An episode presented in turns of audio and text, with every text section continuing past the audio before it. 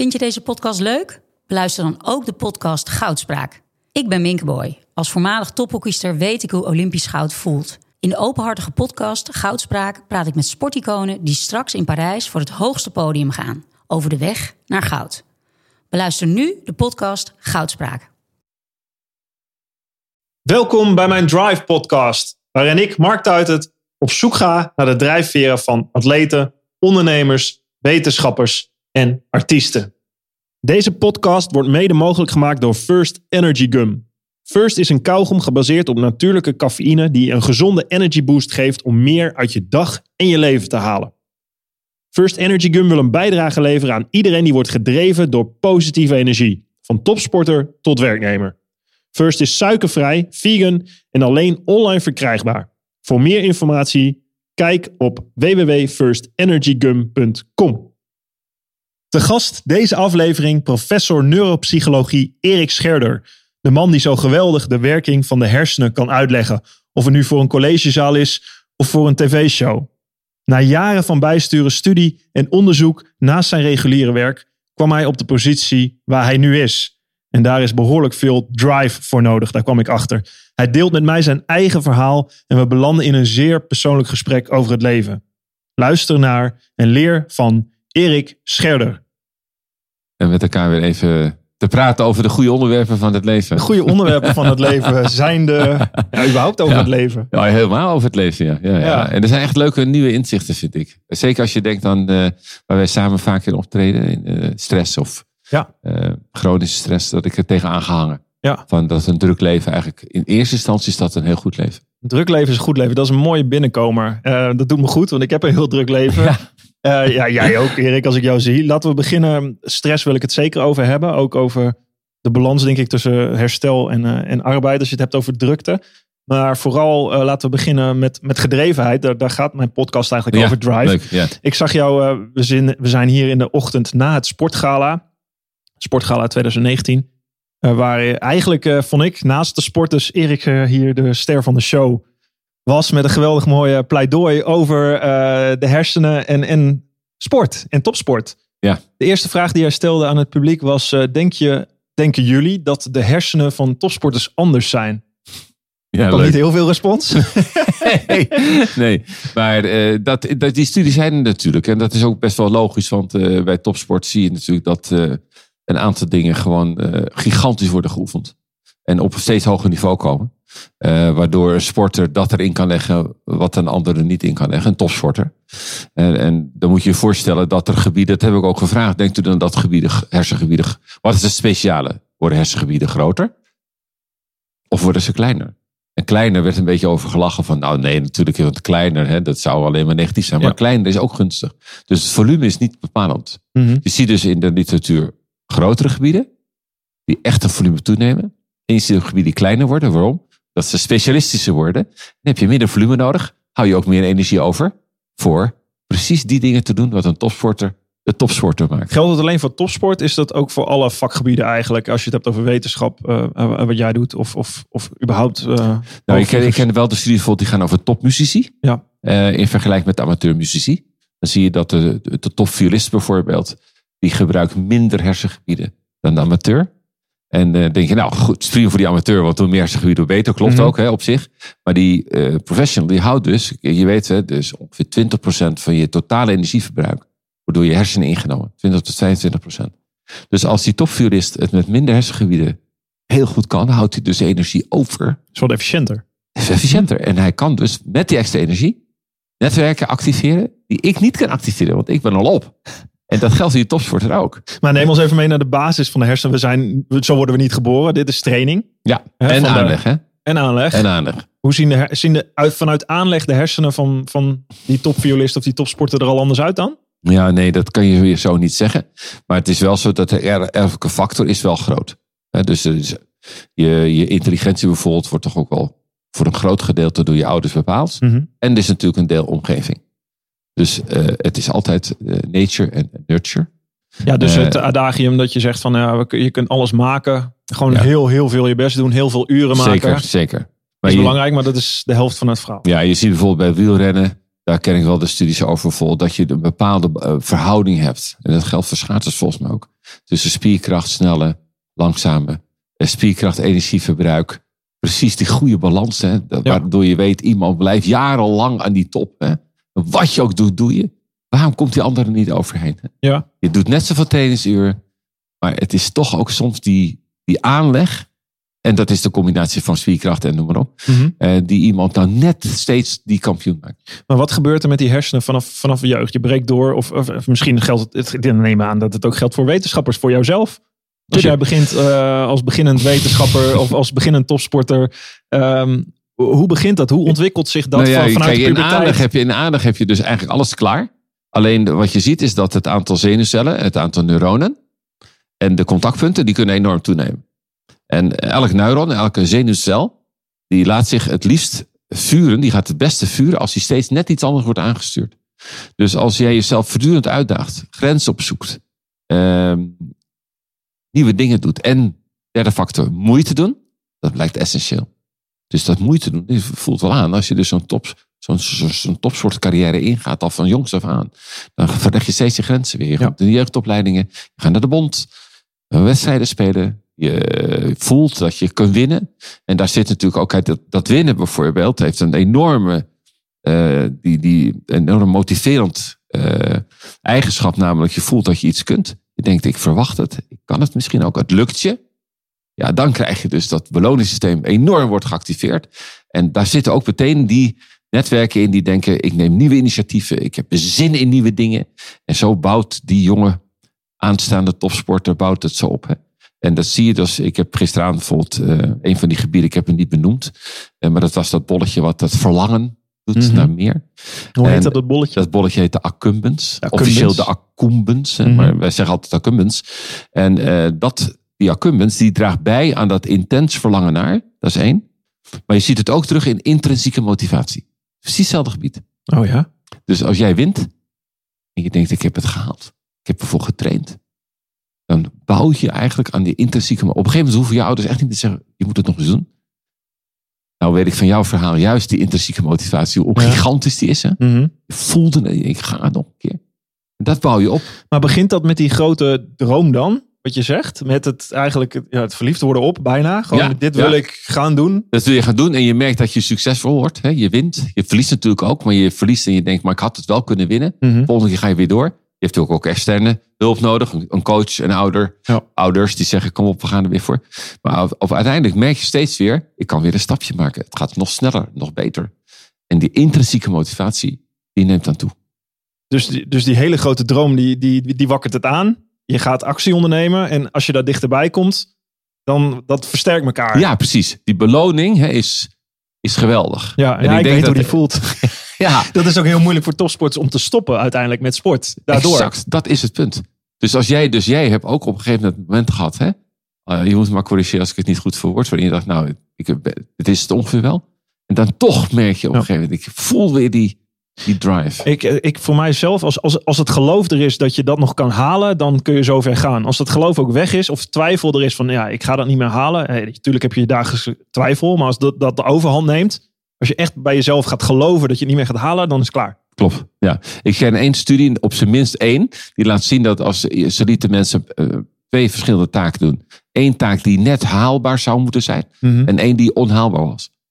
En toen bleek dat die mensen die die taak net haalbaar hadden moeten kunnen halen, het net niet haalden, die waren dubbel gemotiveerd om het nog een keer te proberen. Want ze dachten, ik, ik weet dat ik het kan. En die, en die groep die dus een taak deed die echt far beyond was, echt, zeg maar, Mhm. die haakte af. Ja. Dat is precies wat jij zegt. Dat gat moet- het voelde hebt, ik kan het echt wel. Ja, Dus eigenlijk is het de kunst, ook als coach, om sporters daarin te begeleiden, maar ook als sporter, of, of überhaupt als sporter, als, als iemand die grenzen wil verleggen, om steeds, hoe, eigenlijk is het, het leven is best wel eh, cruel. eh, eh, Ja, ja, ja. dat? Ja, ja, ja. Gewoon Ja, naar het precies, Nederlandse het is woord. breedachtig, Het is vreed. Ja, het is reet. Want je moet Eigenlijk heb elke je die, keer... ja, het is die wortel die voor je neus hangt en je, je ontwikkelt jezelf beter als je eigenlijk er net iedere keer niet bij komt. Exact. exact. Dus eigenlijk- Maar de beloning is als je dus dan de volgende keer Mhm. diezelfde taak doet die je net niet kon. En je haalt hem. Dat is natuurlijk super. Ja, ik zie het met uh, mijn, mijn kinderen. Met, ik heb met Tom, mijn jongste, die, ik heb hem zo'n Rubik's Cube gegeven voor, uh, Sinterklaas heeft hij van gekregen, laat ik het goed zeggen. Luister ze de podcast Nee, dat doen ze nog niet. Nee. Hij is zes. Oh, ja. Maar, ik, uh, maar hij gaat ermee aan de slag. Ik heb een paar YouTube filmpjes laten zien van ook kinderen die dat doen. En dan heeft hij twee keer gezien. En nu is hij zelf iedere dag eventjes mee aan de slag. En dat is zo leuk om te zien. Het is inderdaad zo heel frustrerend, want het lukt weer niet. En dan je ziet zijn frustratie toenemen. Ja, en de volgende dag staat hij weer op en dan is hij weer een stapje verder. En blij is hij, hè? Dan is hij blij, dus helemaal trots. En dat, zie je, dat zie je in het klein, uh, dat proces inderdaad. Je helemaal ja, jezelf blijven uitdagen. Dat is het. Uitdagen en dat kost moeite. En dat moeite doen, dat blijkt essentieel. Essentieel vanuit de hersenen gezien. Maar je, je, had een heel mooi verhaal. Ik vond jouw boodschap op Sportgaal ook heel mooi. Kijk, uh, sporten gaat om winnen. Die droom heb je nodig blijkbaar. Hè? Ook om je hersengebied te activeren om überhaupt naar die grens toe te gaan. En die droom mag heel groot zijn. Daar ben ik het helemaal mee eens. Um, maar je komt natuurlijk dingen tegen. Ehm, en dat is niet alleen in sportgebied zo. In het hele leven maak je die dingen mee. Verlies, zoals je ook mooi aangaf. Inderdaad, iedereen maakt, hoe ouder we worden, we verliezen mensen. Ja. Tegenslagen, gezondheidsproblemen. Alles wat we in het leven meemaken, dat wordt voor onze voeten geworpen.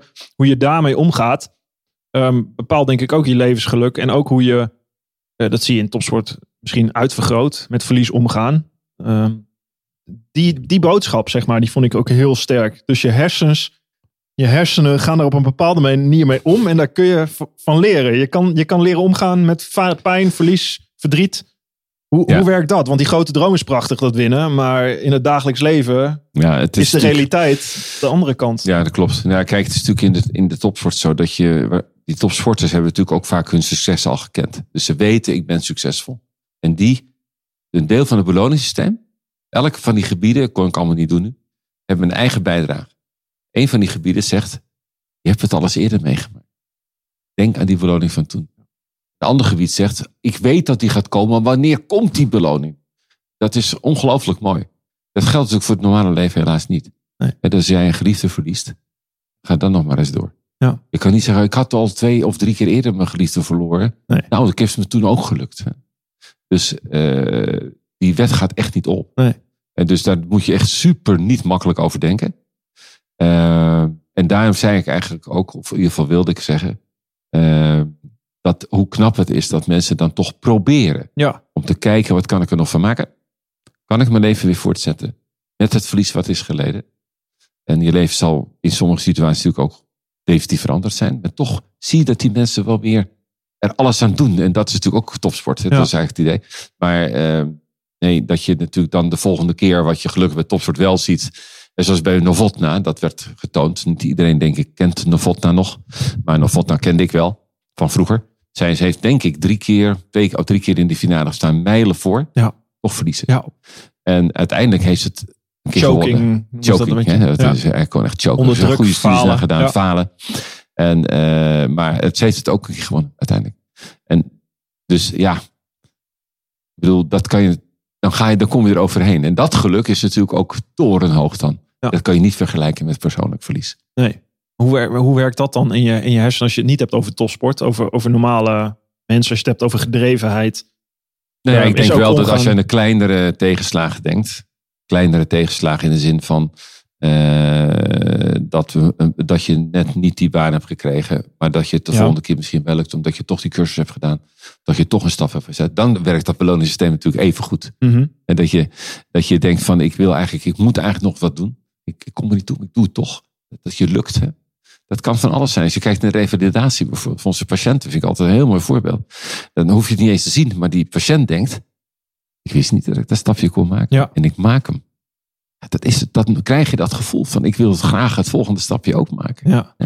En, dat, dat, en we weten er is een plafond, want anders zou er geen neurologie overblijven. Maar juist met elkaar weggaan om die kleinere stapjes te maken, dat heb ik zelf altijd de grootste uitdaging gevonden. Ik heb altijd tegen mijn patiënten altijd gezegd, je staat er niet alleen voor, we doen het samen. Ja. Maar waar het ergens zal liggen, het zal ergens liggen. Maar dat is de hele grote tegenstelling eh, tussen de grote droom en de dagelijkse stapje. Precies, precies.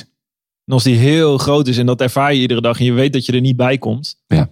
dan ja, dit raakt me in, de- in die zin ook wel. Mijn moeder was depressief. Ehm zij heeft zelfmoord gepleegd eh, in 2012. Eh, en zij had heel veel moeite ehm, om, om daarbij te komen. Om die stap. Ze, ze, en ik weet niet hoe jij dat ziet hoor, met, met, met depressieve mensen of mensen die het echt moeilijk hebben. Wat heel begrijpelijk is, hè, wat je zegt, is denk ik helemaal waar.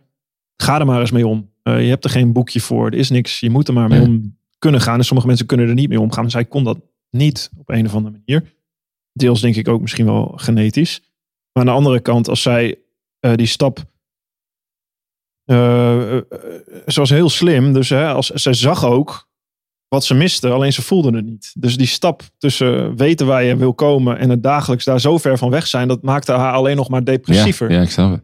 En dat gaat helemaal de andere kant op. Dus eh, je hebt, dat vind ik zo fascinerend. Dat Voor haar was het onbereikbaar hè, Ja. die- om die stap te maken. die stap wordt zo groot. eh, en dat maakt het heel, nou ja, dat er geen uitzicht is. En aan de andere kant, als je die stapjes kan maken, oh ja, het gaat goed, komen verder. Precies. Dan kom je in die flow die kant op. Maar zoals wat jij zegt over je moeder. Kijk, zo'n ernstige depressie is ook een ernstig ziektebeeld. En waarin al die samenwerking tussen al die gebieden die een ander in een kleinere situatie er wel op helpt. Hè? Ja. Of wat je een stapje doet maken. Je kunt initiatieven nemen. Je voelt ergens de motivatie. Ja, dat ontbreekt vaak helemaal in, door, die, door dat ernstige ziektebeeld. Ja. Dus die dingen kun je echt niet met elkaar vergelijken. Nee. Nee. Ja, die, al die gebieden, dat, dat ligt plat. Nou eigenlijk. ja, daar is, een, eh, daar, daar is zoveel eh, uit balans geraakt. Mhm. Eh, dat dat gevoel van ik heb nog bijvoorbeeld een perspectief. Ja. Het perspectief hebben is natuurlijk een hersenfunctie. ja. En dat jij weet gewoon wat je vandaag gaat doen. Je hebt er zin in.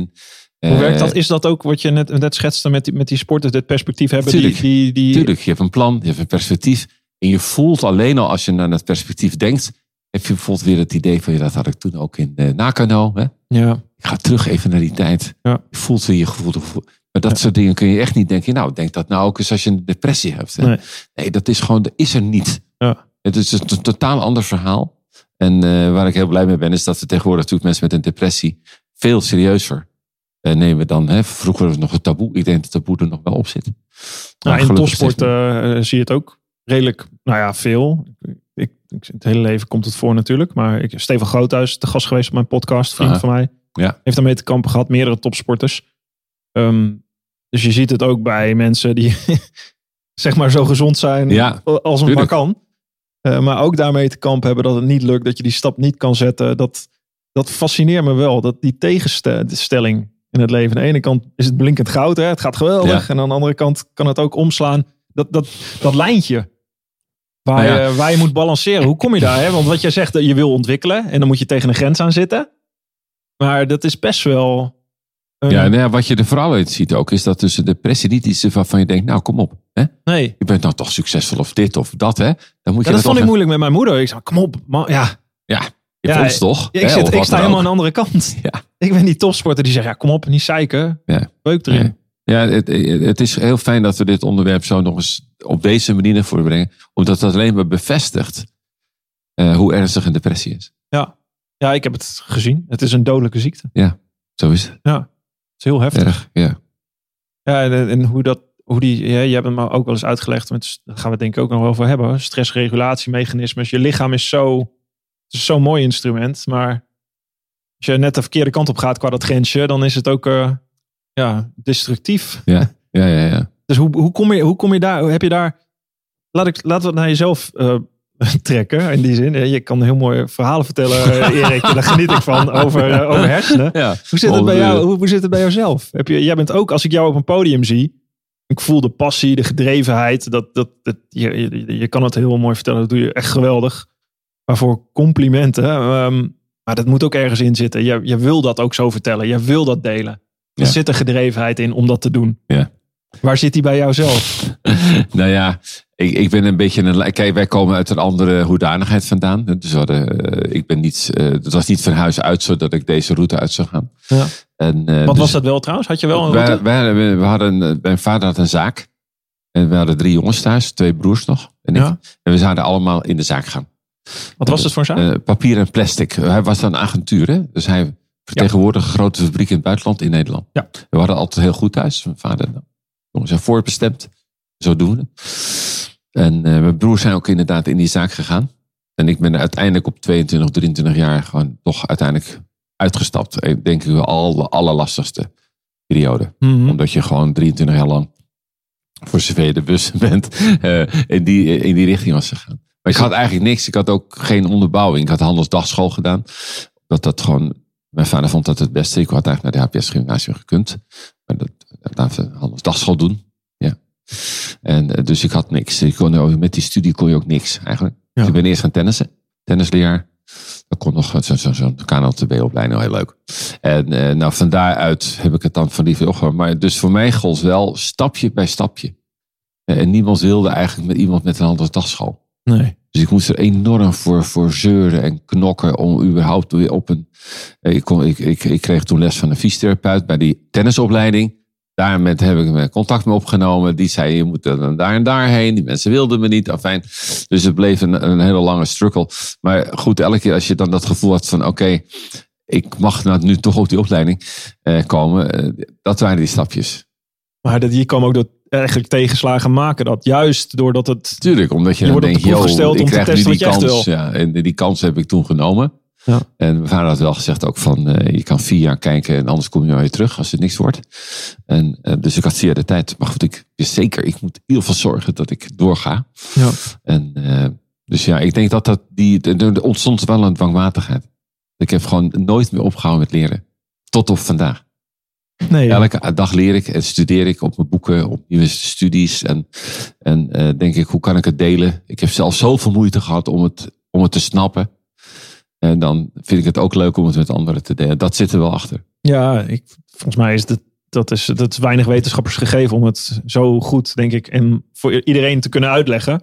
Hoe, is dat- hoe, hoe ben je zo bij, bij neuropsychologie uitgekomen?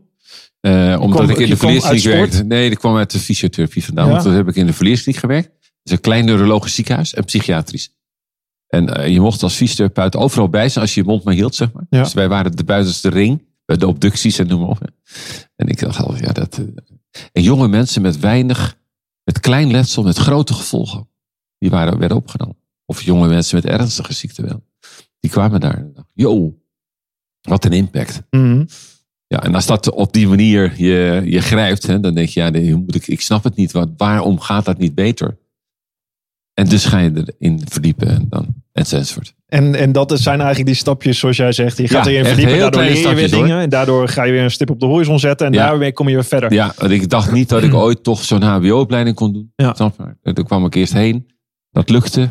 Toen kwam we hier deeltijds de universiteit. Moesten we hele deficiënties wegwerken. Ik, kan ik dat? Kan ik nog wiskunde VWO doen? Toen was ik Ja. inmiddels 32. Ja, begin ik aan. Kan ik het ook wel doen? Dat had ik altijd wel. Het initiatief en de drive. En, en, Oh, je hebt elk- ook je 233 in VWO afgemaakt. Ja. Nog. Ja. En dan de universiteit nog gedaan. ja. Toen gepromoveerd in mijn eigen tijd, want er waren geen banen. ja. En eh, toen ik dat allemaal achter de rug was, toen moest ik nog leren lesgeven. Hoe oud was je toen? Toen was ik 42 toen ik promoveerde. Jee. Ja. En toen zeiden ze hier van ja, we hebben even goed geen baan. Ik zei, Ik heb alles in mijn vrije tijd gedaan, onbetaald. En, en ze zei, nee ja, ja, ik begrijp het. Maar we hebben wel veel zieken, wil je onderwijs geven? En eh, ik- ja, krijg ook niet voor betaald. Ze nou dat geeft niet. Maar nou, ik weet nog, de eerste keer Mark, dat ik hier binnenkwam met 500 studenten. Er waren twee deuren. De deur waar je in kwam. En dan moest je zo langs die studenten lopen, zo in de deur om eruit te gaan. En toen dacht ik, ik kan twee dingen doen. Ik blijf staan en ik doe het. Of ik loop in één keer door naar buiten en ik kom ook nooit meer terug. Hè. Dat was echt een authentiek gevoel. En ik ben blijven staan.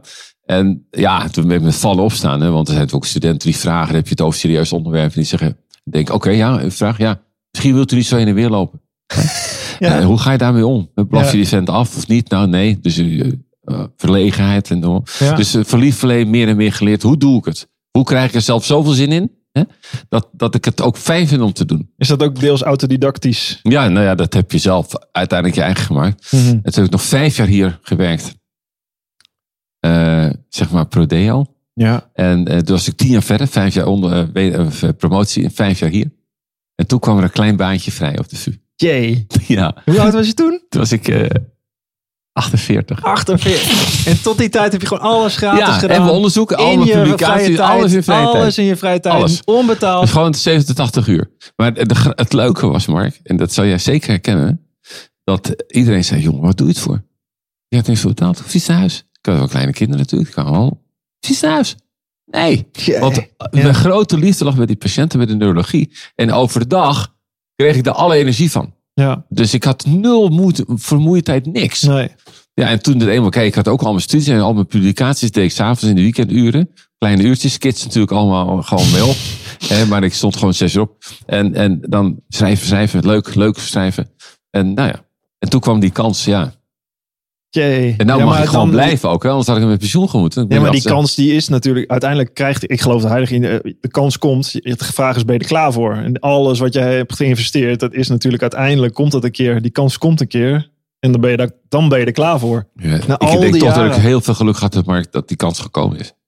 Want Ik denk zeker- komt hij niet, hè? Dus, ja. Ben ik met je eens. Tuurlijk moet je. gel- Ik heb ook geluk gehad. En de juiste mensen op de juiste plek. Tuurlijk is het ook timing Ja, en is het deels geluk. Daar ben ik helemaal met je eens hoor. Alleen.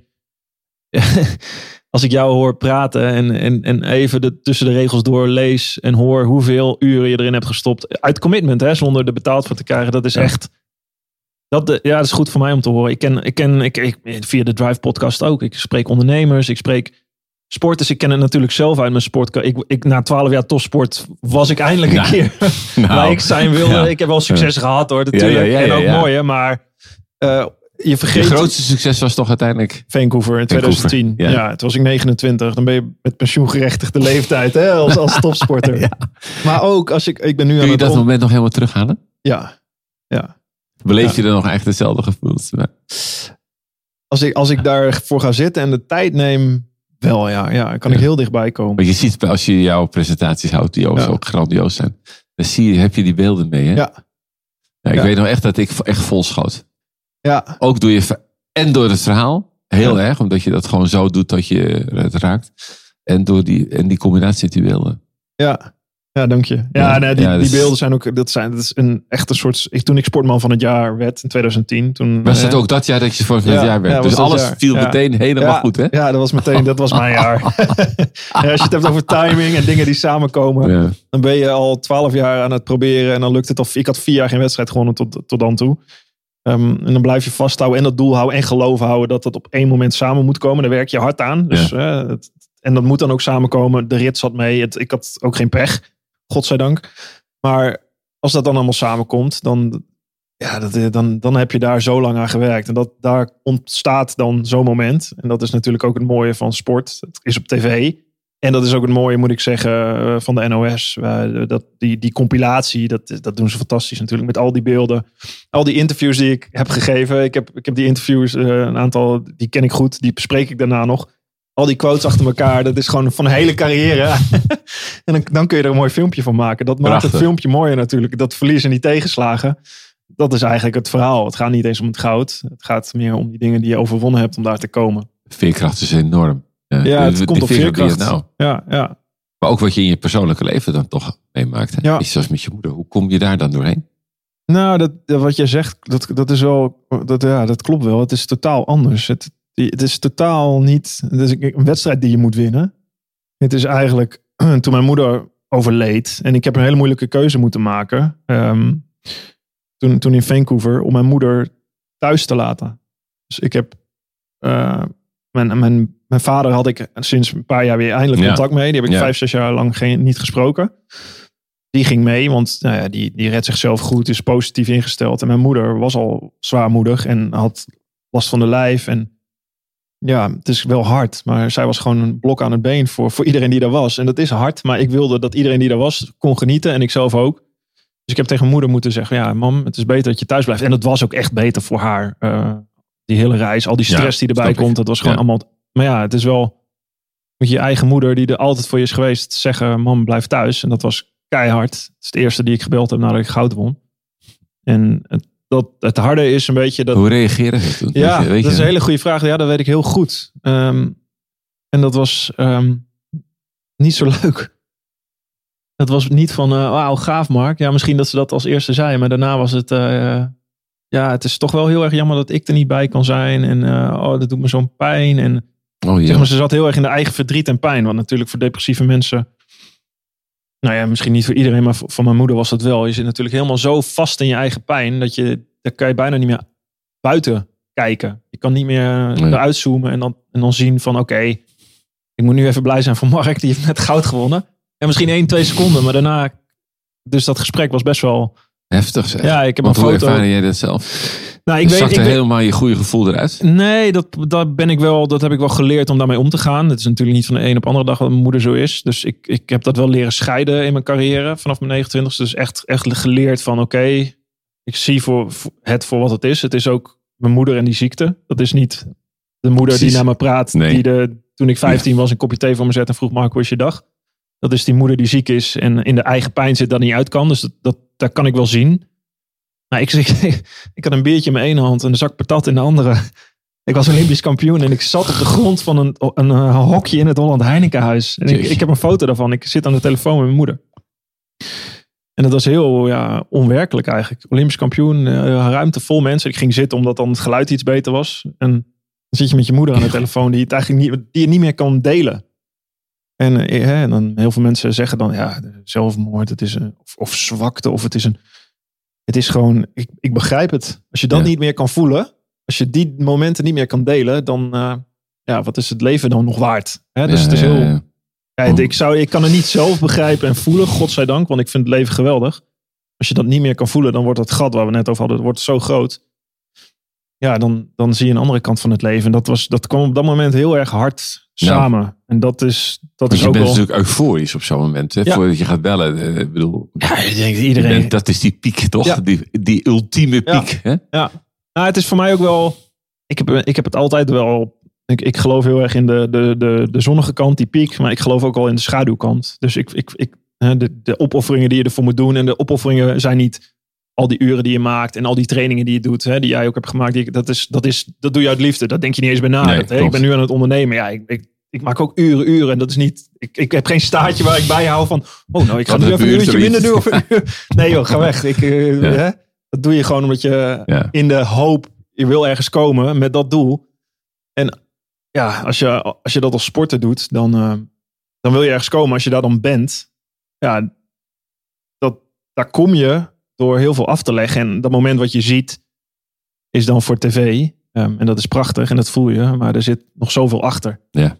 Ehm, en daarom heb ik dat later, daarom vertel ik het nu ook open. Eerst durfde ik dat nooit echt. Nee. Eh, daarom vond ik het ook zo mooi dat jij dat ook nog aangaf op Sportgala. Als sporter denk je zo aan winnen. Daar ben je zo mee bezig. Maar om daar te komen, je, je, je zwakte tonen. Of, of het is helemaal geen zwakte. Gewoon je menselijkheid Ja. tonen. En, en dat is de connectie die we met elkaar allemaal hebben. Zeker. Ik denk als we daar iets meer in zouden kunnen tappen en dat zouden kunnen zien. Dat de wereld daar wel iets eh, mooier van wordt. En daar, daar hoort begrijpen ook bij. Daarom vind ik het ook zo fascinerend wat jij vertelt en hoe je het doet. Dat, dat begrijpen, kennis overdragen. Dat is, denk ik, eh, dat is denk ik een basis. En dat is ook mijn basis, ook voor een podcast. Ja. Ehm, ik ben nu heel veel aan het woord in plaats van mijn gast. maar, Ja, maar het is fijn om je te horen eh, sorry Ja. daarvoor, luisteraars. nee. Maar het is dat, dat proberen te begrijpen, het proberen te leren, die instelling. Ja. Daar, ehm, ja, dan, dan zijn pijnlijke en verdrietige momenten in het leven horen erbij. Maar de volgende dag opstaan en denken, oké, ja, hoe ga ik hiermee om? En er ook het accepteren dat dat gebeurd is. Weet je, voor mijn moeder, het klinkt hard, maar eh, sterven voor haar, zij wilde dat heel graag. En dat is ook de kracht die je maakt, is de kracht die je breekt. Zij was heel, heel krachtig. Als je het hebt over gedrevenheid. Ja, Mijn moeder ja. was ontzettend krachtig, gedreven. Maar als dat tegen je keert, dan is het ook een ontzettende kracht de verkeerde kant op. Ja, absoluut. Ja. Dus hè, die grens, die Ja. ontwikkeling, dat, dat, eh, dat blijft me boeien en fascineren. Als je dat op de goede manier inzet, dan, eh, dan kom je heel ver. En dan wordt het heel leuk. Mhm. Maar als je daar de verkeerde kant mee op gaat, en die, ja, die zul je ook tegenkomen. Hè? Dat, zijn, dat is aan de ene kant heb je de topsporters en, de andere, en de wetenschappers misschien eh, het mooie. Aan de andere kant de criminelen, de, de drugsverslaafden, de, de, de, de, de mensen die in pijn ergens anders. Hè? Dat, dat, dat stukje van, oh, ik moet naar dat goud, ik wil dat hebben. Ja. Dat hebben drugsverslaafden natuurlijk ook. Nou ja, ik zit Op zeker als je, als je kijkt naar, naar eh, even los van criminelen ook wel weer. Maar het zijn natuurlijk heel veel van die mensen, zoals die drugsmensen, die hebben daar ook niet om gevraagd. En Nee. Die zijn natuurlijk ook altijd gestart, laten Ja. we wel zijn. Of zelfs misschien wel met de geboorte al meegekregen. Dat Ja. komt natuurlijk ook voor. Ja. En dat je een kind bent van een drugsverslaafd iemand.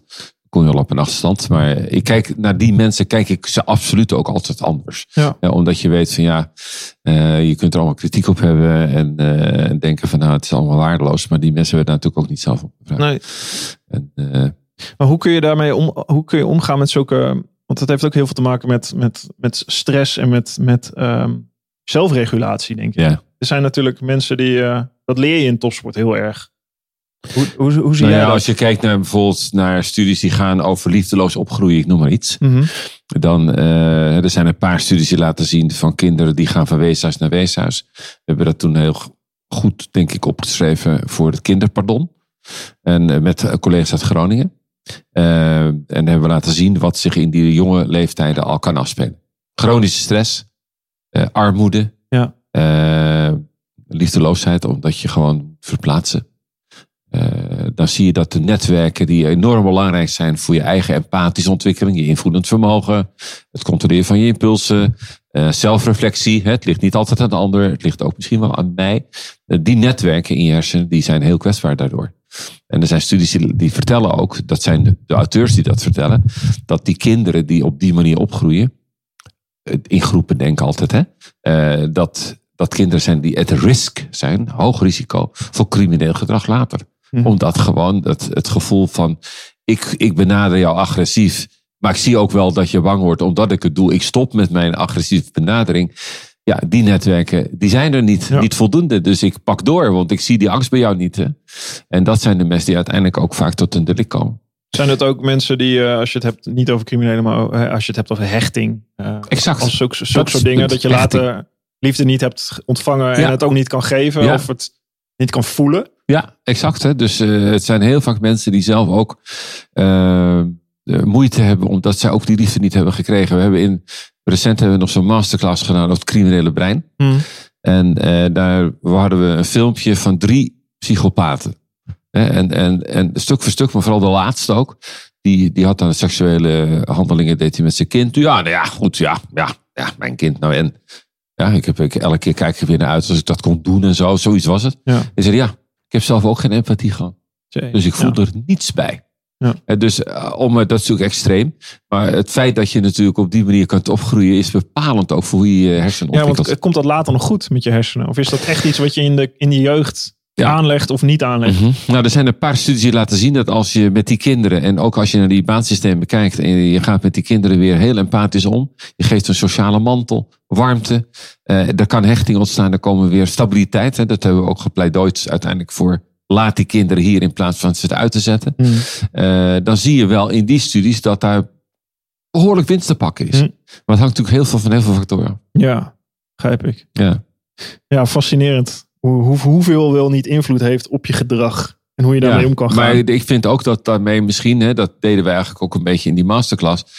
ehm, denk ook een beetje over het feit dat, dat er een soort clementie is. Niet voor Ja. iedereen natuurlijk meteen in dezelfde Nee. mate. Een moordenaar is een moordenaar, die moet je echt uit de maatschappij halen. Maar, eh, en ik praat niks goed, ook niet. Eh, Maar laten we even niet over moorden hebben, maar over gewoon mensen die Mhm. gewoon voortdurend de fout ingaan. Ja. Die, die vragen daar niet altijd zelf om. Nee, ik begrijp je. Ik, eh, ik denk dat dat het tussenstuk is tussen aan de ene kant, zo kijken we, de wereld wordt alles uitvergroot. Tussen goud en topsport, wauw. En aan de andere kant, eh, de hele negatieve kant zit natuurlijk zoveel, zoveel tussenin. Ja. Iedereen heeft dingen waarmee hij om moet gaan. Tuurlijk. Ik, eh, dus denk ik ook als je ouder wordt, ga je dat meer beseffen.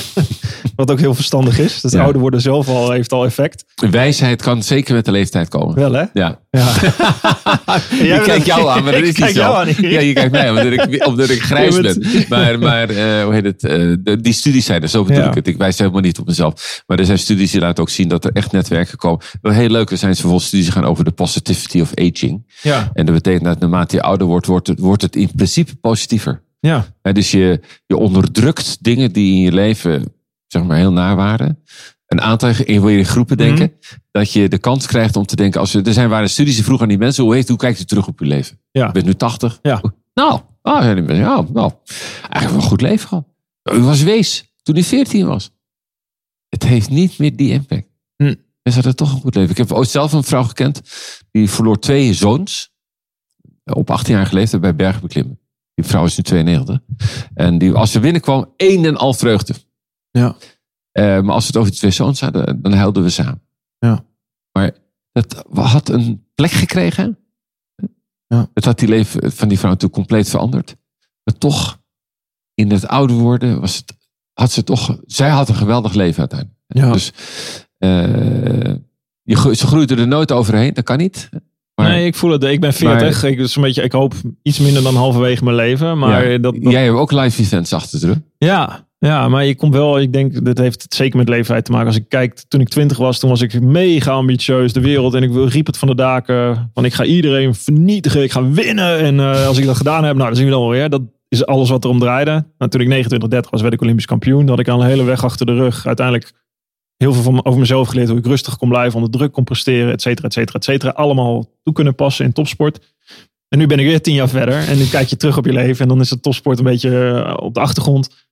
Uh, je bent nieuwe dromen aan het doen. En ik ben nog net zo gemotiveerd. Hè, zoals jij ook. Ik word mooi als ik uh, aangestoken ook weer door jou. Want het is iedere dag opstaan. Nieuwe dromen. Hè, ondernemen. Ja, druk, druk. Maar af en toe ook uit het raam staren. En mooie nieuwe plannen verzinnen. Daar geniet ik van. Dat vind ik fantastisch om te doen. Um, en je kijkt meer op het leven. Ja, met iets meer afstand ook af en toe. Dat je denkt inderdaad, het is... Uh, neem de tijd, leer, doe de dingen die belangrijk zijn. En daar iets meer, iets meer een shift in maken. En minder het snelle en het directe uh, de, de, de, directe bevrediging zoeken. Ja, ja, meer op termijn. Iets je, uh, op termijn uh, gaan nadenken. Hoewel dat af en toe ook nogal lastig is. Het is echt het wel leuk heel, wat Het je... zit nog wel een topsporter in mij. Maar die, ik wil nu, nu, bap, bap. En je zit natuurlijk, als ik zie hoe je bij de Noste verslagen doet samen met uh, Dion of wie dan ook Ja. de, bij de schaatswedstrijden. Zie je natuurlijk dat je hart bij dat schaatsen Ja, nog net zo hard klopt. Hè? Tuurlijk, ik, ik vind die sport fantastisch. En ik vind het ook leuk om dat over te brengen. Um, dat, dat vind ik geweldig om te doen. Ja, wat ik heel leuk vind als ik jou en die collega's hoor, dat er uh, altijd een positieve gloed hangt over die wedstrijden. Ja. Altijd. De, uh, iemand doet het of verliest net, hè? Ja. maar er is altijd die positieve connotatie van kijk eens hoe ze het heeft gedaan of hij. En er is nooit een, een, een, een, nou ja, een vervelende kritische toon of zo. Er is altijd Nee. een positieve sfeer. En ik denk, wat goed is dat, want dat is nou precies wat je eigenlijk nodig hebt om te denken, kom op. Hè? Dat, en dat vind ik geweldig. Ja, Ja, Ja, het echt, om te dat lukt supergoed namelijk. Ja, ja, soms zijn er zeker wel kritische kanttekeningen die je ergens moet plaatsen. Als je iets ziet, dan moet je het zeggen. Maar ik, ik denk wel dat je in je achterhoofd moet houden inderdaad. Dat je, ja, iedereen heeft een weg die die aflegt. En eh, iedereen's weg is anders. Het gaat om het vinden van jouw weg. Ja. Dat moet je wel in je achterhoofd houden. Dat is ook het leuke van het leven, denk ik. Gewoon je weg proberen te vinden. Ja, ja, wat ik ook heel leuk vind, wat je net zei, dat je ook wel eens naar buiten kijkt. Ja, En, eh, want dat noemen wij de white spots, hè? dus de, de momenten van rust. In de ja dag. dat is ook... Ja? En dat je zegt, dan ga ik eh, creativiteit. En dat is precies wat de literatuur zegt. ja. Namelijk als je naar buiten kijkt, eh, dan wordt je default Mhm. mode netwerk komt naar boven. Je default heb je ook. Een default mode netwerk is een prachtig netwerk in de hersenen met heel veel gebieden met elkaar contact hebben. Mhm. Dat is je creatieve netwerk notabene. Probleemoplossend. Maar het komt alleen maar naar boven als je niet cognitief belast bent. Ja, Niet dat is moeilijk in de huidige wereld. Ja, omdat zo gauw je even vrij bent, kijk je al op je mobieltje Ja. weer. Eh, ik, ik, ik, een voorbeeld is, als ik met de trein ga ik zo meteen naar Hilversum. Eh, vroeger keek ik over het, eh, de velden even uit, hè, Ja. op het perron, wachtend. Nu zit ik mijn mails te doen. Ja. Terwijl dat over het veld heen kijken, dat is je default. Ik vind het heerlijk. Ik heb, ik heb een mooi uitzicht thuis. En af en toe, gewoon om 's ochtends even, de, op zondag is dat meestal inderdaad. Dan heb je even de tijd neem je om naar buiten te staren. En dan denk ik van, oh ja, dat doen we ook. Hè. Maar, ik- maar ik hoor jou vaak spreken natuurlijk. Dus ik, gisteren, eergisteren was ik op mijn kantoor, zonnetje dacht, ja, ik ga nu even, ik ga gewoon even een rondje lopen. Even lekker wandelen. Ja. Ik weet dat het beter is voor mijn hersenen. Dat heb ik van jou geleerd, Erik. En ik vind het ook gewoon lekker om je, want je, je gaat zoveel betere connecties leggen, heb ik het gevoel. Ik zit heel erg soms, hè, met, ook met First, met First Energy Cum zitten we dan heel erg van, ja, we moeten dit is strategie en we moeten dit doen en dit. En iedere dag heb je natuurlijk allemaal acties die je moet uitvoeren. Helemaal met kinderen, druk leven, druk druk. Hè. Het is ook goed, druk leven, zei je aan het begin nog. Ja. En dat gaat goed, hè. je daagt jezelf uit. Alleen, je, je moet, ja, ik merk wel dat als je de tijd niet neemt om er af en toe uit te stappen en terug te stappen, dan ga je die, ver- ga je die verbindingen niet leggen. Exact, zo is het precies. Maar Want dan ga je op een hoger niveau denken. Nou, zo is het. Gewoon. De- ik vraag vaak aan de mensen in de zaal, van, eh, als ik het over dit stukje heb, van wie van u merkt wel als u de hele dag loopt top op iets, komt niet op een oplossing. Ja. S'avonds loopt u bij eh, een van de grote supermarkten en u denkt, ik weet het. Dan gaan er gewoon 90% handen omhoog. Hè? Ja. Ik zeg, maar dat is uw default. Hoeveel keer komt er nou nog voor per dag dat u dat doet? Dat u gewoon denkt uit werkoogpunt, ik kap ermee nu. Ik ga gewoon even buiten lopen. Ik heb het wel gehad. En dan heeft u er veel meer kans dat u dat denkt, weet je wat, ik ga het gewoon zo doen. Ja. En dat gun je jezelf bijna niet meer. Nee. Omdat je doorlopend, nog in bed, ik ook, hè, ik zeg Ja. even, kijk ik nog mijn laatste Ja. appjes nog, iets nog. Nee, nou, dom eigenlijk. Gewoon dom. Doe het niet en kijk naar buiten. Hè, Dat is, dat is gewoon wat je... Laten we wat meer naar buiten kijken. Meer naar buiten kijken, ja. Meer die Uit creativiteit oogpunt, hè? Ja, het creatief, ja, maar als je het hebt over. Ik heb, ik heb laatst een staartje gezien van de, de, de, de moderne levensskills als, als werknemer dan. Ja. Ehm, weet je, heel veel dingen kunnen we natuurlijk leren. Dat verandert. Vroeger, hè, vroeger moest je natuurlijk. en Die hebben we nog steeds nodig, vakmensen. Ehm, maar tegenwoordig gaat het natuurlijk heel veel met hersens achter een computer en overleg met allerlei mensen. En de enige skill die, die echt helemaal bovenaan staan bij alles als het mensen ondervraagt. En ik kan het beamen als, uh, als ondernemers. Creativiteit. En creativiteit gaat volgens mij juist om die verbindingen leggen. Exact. Het gaat juist om het gevoel Exact. weer te kunnen geven. En uh, dat Want creativiteit, hè, als je over nadenkt. Het feit dat je gewoon, dat ook dat je zomaar op een idee kunt komen. Ja. Ik bedoel, het is toch op zich fenomenaal. Waar komt Nee, dat het mooie van Chris, je gaat niet met elkaar zitten van oké, we gaan het nu eventjes verzinnen. Nou, dat kan wel. Dat kan ook. Het is eigenlijk een beetje, Ja. een, althans in onze literatuur is het een tweestaps. Hè, Dus je moet ook werken op je ideeën. Ja, Want je hebt een idee, maar dan moet het uiteindelijk ook nog een output komen. Maar het feit dat je, dat je ergens kan zitten en dat je opeens een idee hebt. Dat het totaal niet over gaat. Ja. Als je daarover nadenkt, waar komt dat idee vandaan? Een interne cue. volgens mij Een eh interne kunstenaars die zeggen eh, dit werd door God ingegeven of dit wordt Ja. door... eh, Mag ook van mij. Ja. Maar, maar het, het, als je erover nadenkt, denk je, het is toch fenomenaal. Hè? Ja. Dat je gewoon op een idee kunt komen. En je kunt je voorstellen dat veel patiënten met letsel, mhm. die nooit meer op een idee komen. Dus dat idee van, ik, kom op een idee, dat je er wel eens bij stil moet staan, nou, dat is ook toch wel een rijkdom gewoon. Dat je nu ook kan denken, als ik straks naar huis ga, ga even langs die en die. Leuk. We gaan het weekend dat doen. Hè? We hebben het helemaal niet over gehad, en toch komt het idee in je hoofd. Hè? Het heeft Dus- ook te maken met loslaten, denk ik. Het heeft zeker te maken met loslaten. Ja. Zoals Ja, veel dus in je de moet leven. echt remmen op de dingen die je, die je niet wil. En eh, dat, dat is creativiteit. Dat Dus is creativiteit. dat loslaten moet je alleen zelf organiseren af en toe. Dat moet je een beetje organiseren. Ja. Doe jij dat zelf ook? Heb je Nou, zelf momenten? ik, of- ik, ik of- ben zeker iemand die ook eh, hand in eigen boezem steekt en denkt van ja, eh, doe even niks. Hè, dus, Ja. eh, maar het valt me elke keer wel weer op hè, dat ik inderdaad ook denk op de stille momenten dat ik denk, oh ik heb eigenlijk wel echt een leuk idee voor dit of voor dat. Hè. En, eh, en dan grin ik, omdat ik dan bij mezelf denk, ja, het is ook geen toeval dat je dat er nu denkt. Gewoon. En neem je dan actie? en dan eh, bouw ik het idee, kan ik het natuurlijk ook uitbouwen. Ja, Hm. ja zeker. Maar ehm, ja.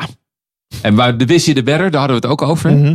Ik weet niet, het daar nog over hebben? Ja, de Wizzier, de ja, Better. ja. Voordat we gaan... tijd eh, hebben we nog ja, moeten nee, afronden al? Ik kan uren met jou Nee, nee, eh, maar je moet even zeggen. Moet even zeggen. Nee, ja, de, ja, wat ik, wat, wat ik nog, de- ja, inderdaad, de busier, de better, laten we dat. En wat heeft het te maken, denk ik ook deels met, met stress, Ja, de, stressmanagement. Ja nee, ik, Ik denk, ik- de busier, de better, hè, we zijn- in een vluchtige maatschappij. Ehm, hoe kunnen we de combinatie vinden tussen eh, je werk willen doen, die uitdaging vinden en houden.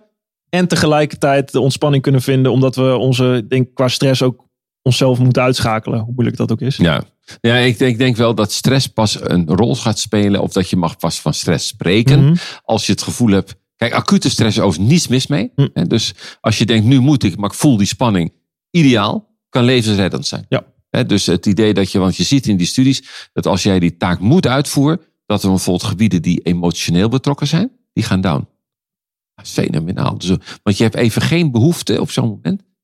Om te denken, oh yo, hè, Ja. daar heb je geen behoefte aan. Dus patch. Huilen komt daarna wel. Ja, executiemodus. Ja, precies. Maar die, de stress is natuurlijk een spanningsfactor factor waarmee je slaapt slecht. Zijn dagje een keer niet erg, maar langere tijd. Je voelt eh, letterlijk de spierspanning, je hartfrequentie is hoog.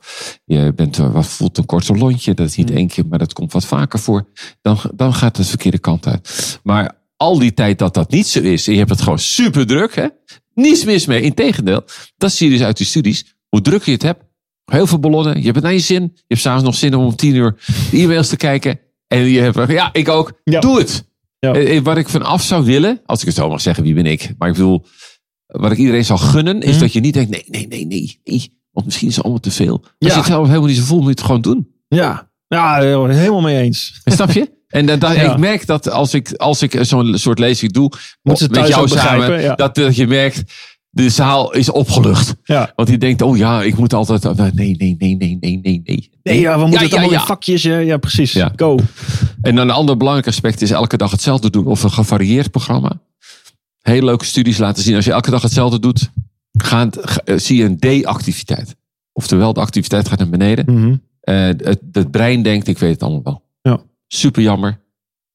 Gevarieerde dag, hoge activiteit. Maar dan ga je niet richting een burn-out, maar een bore-out, zoals het heet. Ja, een precies de bore-outs. Ja. Exact. Eh, Dus een druk leven, een fijn leven is een druk leven. Mhm. Zolang u zelf, de mensen zelf denken die hier naar luisteren. Mhm. Van ja, eigenlijk kan ik het eigenlijk best aan. Ik heb er best zin in. Ja, het probleem is natuurlijk dat heel veel mensen denken: ik kan het best aan en ik neem nog wat erbij en ik neem nog wat erbij. Totdat het moment komt dat ze zelf niet meer herkennen dat ze het niet meer aan kunnen. Dat zou kunnen. En dan ben je verder van huis, want dan ben je te laat. Niemand zegt, je moet je overvragen. Nee. Maar hoe regel je dat? Ehm, ja, hoe regel je het moment dat je voelt van ik ben eigenlijk te ver gegaan? Kan Ja, ik waar, leg je, hoe, kun- hoe kun je je eigen grens daarin leren herkennen? Zit- Zitten daar mechanismes in voor je hersenen? Of, of moeten we daar gewoon beter naar leren luisteren? ik heb wel, mijn, mijn ervaring is altijd dat je Ja. met overtraining ook, dat je eigenlijk je lichaam het wel aanvoel geeft. Alleen dat, dat je gewoon oogklep op hebt en dat gewoon negeert. was je, ben, je, er- ben je er wel altijd bewust van dat je denkt, dit, wat ik nu voel Ja. is eigenlijk niet gunstig. Ik ben één keer heel zwaar overtraind geweest toen ik 2021 was. Sindsdien heb ik ook nu, als ik hard werk en ik heb ook echt wel eens dat ik twee, drie weken doorga. Geen weekenden, s- s'avonds weinig thuis. En na twee, drie weken weet ik wel. of- Ik, ik zie het al in mijn agenda dat ik al weet. Ik weet gewoon na twee weken, ik ga op mijn grens komen en lopen. wat, wat voel jij dan? Eh, word ik gehaaster, korter af. Ehm, dan voel ik mijn, mijn, mijn, mijn trainingen gaan even iets minder lekker. Ik train drie, vier keer in de week. Dan ga ik ook iets minder lang trainen. Dus ik pas mijn trainingsschema al iets aan. Eh, gewoon op gevoel eigenlijk. En ik voel gewoon dat ik... Je voelt gewoon dat je... Je weet, ja, leg je dat uit? Het is, het is een gevoel als sporter. Ik voel het gewoon aan mijn lijf. En aan mijn, aan Dat mijn, was ook toen je hoofd. 2021 was. Toen je Nee, echt, al- wat nee, was toen, toen? nou, toen had ik het wel, maar toen negeerde ik het. Toen dacht ik, nee, ik mag dit niet voelen, omdat ik door moet. Ik wil succesvol zijn, ik wil de succes drive halen. was sterker. De drive De- was eh, sterker, ja. Ik, ik wil dat toch halen. Dus eh, hoezo? Rustig. Ga weg. Ik ga trainen vandaag. En nu, ik weet nu, als ik dat twee, drie, drie weken doe, weet ik gewoon, eh, ik moet de week daarna gewoon af en toe zeggen, yo, ik check uit of ik ga even een rondje lopen. En, ehm, of een dag helemaal niks doen, of twee of drie. Maakt niet uit. Ik weet gewoon, die, die week moet ik dan leeg houden. En niet gepland hebben. Moet ik maar gewoon die rust inbouwen. En, eh, en ik zoek de mensen om me heen die me daarbij kunnen helpen of op kunnen wijzen. Maar, je, maar je- maar je neemt het wel waar dus eigenlijk, zeg je. Je neemt Ja. het elke keer wel waar. Ik negeer het niet. Nee. Nee. Maar je, het belangrijkste eerste stap is dat je het waarneemt. Precies. Het is niet iets waarvan je denkt, nou, ik heb er niets van gemerkt. Nee. En nou opeens ben ik eh, helemaal kapot. Zo is het Ja. niet, toch? nee. Dus ik denk dat dat ook het antwoord is. Dat je Mhm. heus wel voelt, ik slaap wel een keer wat slechter. Ik ben wat korter af. En dat je de drive die er overheen komt dan toch te groot is. Ja. de, de wijsheid is natuurlijk dat je dan in feite... Ja. Of als je een periode ziet aankomen, dat je natuurlijk preventief denkt, wat doe ik er eigenlijk aan? Ja. We zijn nu voor een, een serie die we voor de EO maken, bijvoorbeeld op scholen geweest. Bij kinderen in de eindexamenklas. Mhm. En die hielden daar een spreekbeurt. Ik zal maar zeggen, huilend deels. Hmm. Over het feit dat ze het VWO deden. Vijf jaar weggegooid met allemaal stress. Terwijl ze toch nu naar de PABO gaan. Ze hadden net zo goed de HAVO kunnen doen. Verkeerde keuzes, zal maar zeggen. Hè. En eh, toen vroegen wij aan hen. eh, Maar eh, je ziet het aankomen. Wat heb je dan gedaan? Nou, het sporten ging eruit. En de vrije tijdsbesteding ging eruit. Ja. Als eerste uit. Ja. Dus precies wat je niet moet doen. Ging er toch uit. En dat, waren niet, dat is niet alleen zij. Maar dat geldt voor ons allemaal. Ja. Dus als je het ziet aankomen, kun je, en je hebt een awareness. Oké, ja, waar leg je een prioriteit? Ik zie dat er een drukke periode aankomt. Ja, het van tevoren al inschatten. Ja, het gaat ook, nee, het gaat ook om je omgeving natuurlijk. Tuurlijk. Dat, dat, als je, ik zat in een omgeving waar... Als je in een omgeving hebt waar je alleen maar gestimuleerd wordt om door, door, door, door, door. En niemand die een keer tegen je zegt, hey, hè, die verbinding, die arm om je heen. Die empathie, die liefde van, hey, doe eens even rustig aan joh.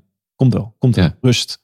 Dat is misschien als je ouder wordt. En dat, eh, Iemand anders is even jouw prefrontale cortex. Hè? En Ja. die zorgt even voor dat je even teruggaat. ja, Eh, Even redeneert voor je, waar de redenatie bij jou misschien net even verder weg is geraakt. klopt.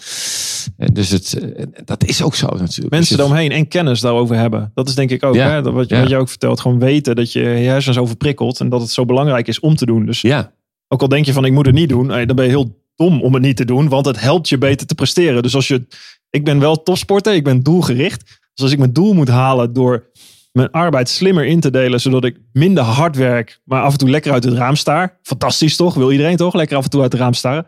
En het werkt beter om mijn doelen te halen. ja. Wel heb- gek als ik dat niet ga doen, toch? Je hebt helemaal gelijk. Ik heb nou een vraag aan jou, een lekenvraag. Ja. Maar is het toeval dat jij hebt dus een, een periode gehad nog waarin je het eigenlijk even niet meer schaatste, zeg maar. Ja. Ik weet het van Yvonne van Gerp, dat die kwam terug uit een periode van of blessures en daarna Ja. Olympisch goud. Ja. Eh, ik dacht Marianne Timmer ook een, iets in dergelijks. Is het nou toeval dat juist de sporters die... Maar dat is echt een Hmm. vraag die al heel lang bij me speelde. Hmm, en als ja. ik dan thuis zit, dat ik elke keer weer dacht, ja, dat... Ik, nou kan ik het aan je vragen. Ja, nou, je moet, eh, ik moet zeggen dat de afgelopen tien jaar gaat het wel heel anders. Dus er, er is veel meer kennis beschikbaar, bewegingswetenschappelijk, maar ook psychologisch op het vlak van, van ontwikkeling en periodisering. Dus ik denk dat dat minder gebeurt. Maar helemaal in die tijd, helemaal in de tijd van Yvonne van Gennep, was het tien, iets meer dan tien jaar geleden, eh, was het adagium echt, nou we gaan zo hard mogelijk trainen. En degene die dit overleven, dat zijn de beste. Dus overvoeren, trainen, trainen, trainen, trainen. Niet zozeer meten, kennis toepassen, maar gewoon hard trainen. Uh, en je ziet dat uh, mensen die dat stiekem niet aankonden of soms een beetje mee smokkelden. Hè? Topsporters dachten ook van nou, vandaag doe ik net alsof ik eventjes iets moeier ben dan ik daadwerkelijk. Hè? Sport van je gevoel, je gevoel, als je dat nou durft te luisteren, geeft het al wel aan. Als je daarna handelt, dan, dan zit je al heel, hè? je weet het al eerder voordat je het ziet ja. als sporter. Um, dus ik denk ook met een Yvonne van Gennep, maar er zijn heel veel voorbeelden, helemaal vanuit die tijd. Als je dan gedwongen rust neemt, dan krijg je aanpassingen in je lichaam die je lichaam pas gaat maken doordat je rust neemt. Waardoor je een soort supercompensatie krijgt van al die harde trainingen die je hebt gedaan. Waardoor je beter wordt. Dus die rust is niet ingebouwd. Uh, eh, eigenlijk nee, slecht rust. Terwijl het fantastisch heeft gewerkt om beter te komen. Dus het is eigenlijk dus een geluk bij een ongeluk. Een mooi ongeluk. Mooi. Prachtig ongeluk. Um, en dat, dat zie je heel veel uh, dat dat gebeurt. Ik denk wel dat die fout inderdaad nu minder wordt gemaakt. Omdat uh, je hebt, hè, zelfs alle voetbalclubs hebben nu uh, sport-performance afdelingen. Wordt, ja, ja. AZ doet het heel goed nu. Het is ja. een weinig budget. Richten zich heel erg op ontwikkeling. Um, ik heb Marijn Beukers en Bart Heuving heb ik op, ook op mijn podcast gehad. voor de liefhebbers die geïnteresseerd zijn. Hun verhaal, luisteren vooral. Maar wat zij bijvoorbeeld doen is kinderen meenemen. Hè, wat je zou kunnen doen, is zou zeggen: hey, kinderen, we gaan een voetbaltraining doen. De ballen liggen klaar, de shirtjes hangen goed. Uh, alles is voor je geregeld. Ga maar voetballen. Mm -hmm. Concentreer je alleen maar op voetballen. Nou ja, misschien worden ze betere voetballers. Maar wat ze af en toe doen, is helemaal alles loslaten. Ballen, ja, geen idee. Regel maar. Ja, daar liggen er een paar. Oh, zoek maar een pomp. Zelf de ballen oppompen. Je weet, die jongens moeten zelf de ballen pompen. Die moeten het zelf helemaal organiseren om eerst te gaan trainen. Dus ze worden ze worden niet gepamperd, ze worden meer uitgedaagd, bewust gepland om bij die intrinsieke motivatie te komen. Mooi. Ja, mooi. En dat zijn concepten die vind ik ook, die zijn zo interessant. Daar zit zoveel waarheid in natuurlijk. Het zit, um, vroeger gebeurde dat meer als ongeluk. Tegenwoordig zijn we denk ik met kennis verder om dat ja, zeker. te kunnen organiseren op die manier. Maar het principe blijft hetzelfde. Uh, om kunnen gaan met de veranderingen Um, het zo kunnen plannen dat je op het juiste moment piekt. Dus dat de rust daar belangrijk aan is. Dat je af en toe een weekendje, dat is met sporters ook. En coaches helemaal. Coaches oh, ja, ja, ja. zijn ook net zo gedreven natuurlijk. Een topcoach moet je gedreven zijn, moet je willen winnen. Die doen er alles aan. Alleen die vergeten wel eens soms dat, ja, weet je, laat, laat iemand, hey, ga eens even twee dagen van de radar. Ik wil niet eens weten wat je doet. Ga maar kijken. Ja, ja, ja. ja het zijn ook oh, controlfreaks. Ja. ja. als ik mijn topsporter zou zeggen, ga maar twee dagen. En misschien zuipt hij een stuk in de kraag. Misschien gaat hij, nou, lekker. Ik wil niet eens weten. Ga maar lekker doen. Ga maar, maar even nou, je toch over coaches hebt, heb je het zelf overwogen? Ik heb, is, is het toch een plan? Nee, ik heb het wel overwogen. Maar als je het hebt over de, de, de, de uitdaging. Er zijn nog zoveel facetten die ik wil ontdekken. En ik vind ondernemen voor mij nu is. Ik sta iedere dag aan. Nieuwe plannen. Geen dag is hetzelfde. Ik moet alleen maar problemen oplossen. Ik ben alleen maar. Hoe, hoe kunnen we het logistiek slimmer doen? Hoe kunnen we het online marketing. Dat is zo'n fascinerend proces. Met mensen werken. Hoe stuur je die mensen aan? Waar, oh, als ik iets zeg, gebeurt er niet zomaar. Uh, en vice versa. Hoe, dat is zo fascinerend. Dat vind ik heel leuk om van te leren. En schaatsen zou voor mij de veilige kant zijn daarvan. Dat ken ik veel in. En daar komt bij dat als je coach wil zijn, moet je het 100% doen. En dan kan ik niet hier met jou nee, zitten kletsen. Ja, misschien wel om, om daarvan nee. te leren natuurlijk. Nee, maar nee, nee, nee, snap het. Je kan heel veel dingen ook niet doen, omdat je loyaal moet zijn aan, aan je ontwikkeling van je sporters. Dat is 100%. Ik denk ja. dat heel veel oudsporters daar de fout maken. Dat ze, ik doe het er wel bij, mijn kennis en dat, dat. Nee, dat, dat werkt nee, niet. je moet echt helemaal vergaan. En je moet er voor gaan. En dat, misschien duurt het ook tien jaar voordat je ja, heel goed bent. Ja, het is een enorm vak, ja. Dus dat is een keuze die ik niet, hoewel het me heel waardevol lijkt om mensen te helpen. Je hebt natuurlijk wel een schat aan ervaring. En ja. ervaring die niet iedere coach misschien heeft. Hè? Nee, dat, dat klopt. En dat lijkt me heel Met waardevol. achtergrond. Ja, het lijkt me heel waardevol en leuk om te doen. Maar ik, ik voor mij, als ik, als, als ik 80, 90 ben en kijk terug op mijn leven, denk ik, ja, er was nog zoveel te ontdekken. Die ijsbaan, die ken ik. De mensen ken ik. Uh, ik vind het leuker om commentaar te geven. Het is ook iets makkelijker uh, wat dat betreft. en aan de andere kant de uitdaging te zoeken in het... Um, in het ondernemen. En, en dat probeer ik nu en dat is mijn strategie voor de, voor de komende vijf jaar. En ik hoop daar succesvol mee te zijn. En als ik dat niet ben, dan heb ik in ieder geval heel veel geleerd, weet ik. Waar geen opleiding tegenop kan. En daarna eiken we wel weer. Ik maak ook geen plannen voor de komende 20, 30 jaar. Nee. Kies een plan en kies een strategie en route. En die probeer ik zo goed mogelijk dag in dag uit te vervullen. En nou ja, die moet uiteindelijk succesvol zijn natuurlijk. Hè. Je Tuurlijk. wil die beloning. Tuurlijk. Die wil ik ook. Uh, dat houdt je aan de gang zolang die er is en zolang die stap voor gezet kan worden, ga ik daarmee door. Um, en dan zien we er wel over een paar jaar waar we dan weer staan. Ik ga je er heel veel succes mee wensen, Mark. Dankjewel, ik, wij volgen elkaar gelukkig. Ja. En ik jou zeker. En eh, ja, het was eh, heel leuk. Eh, Ronden we het een beetje af. Ja, we dat, ronden het af. Ja, ja, jij neemt het overal. Nee, nee, nee, nee. nee, nee, nee. Nee, ik vond het een heel mooi gesprek. Bedankt. Bedankt voor je tijd. Ja, ook. jij ook bedankt. En leuk je weer gesproken te hebben. Zeker. Dank je voor het luisteren naar mijn Drive podcast. Wil je nu meer afleveringen luisteren? Abonneer je dan op mijn podcast via Spotify, iTunes of YouTube. Je kan me vinden onder Drive Podcast Mark Tuitert. Of bekijk alle informatie en alle podcasts op www.firstenergygum.com. Ga je naar het tapje media en het tapje podcasts. Daar vind je alle informatie. Laat me ook weten wat je van deze podcast vindt en welke gasten jij graag zou willen horen. Dan ga ik daar werk van maken. En dat kan je doen via mijn eigen social media kanalen. Mark Tuitert. Je kan me vinden op Instagram, Twitter en LinkedIn. Ga gedreven verder zou ik zeggen. En tot de volgende Drive podcast.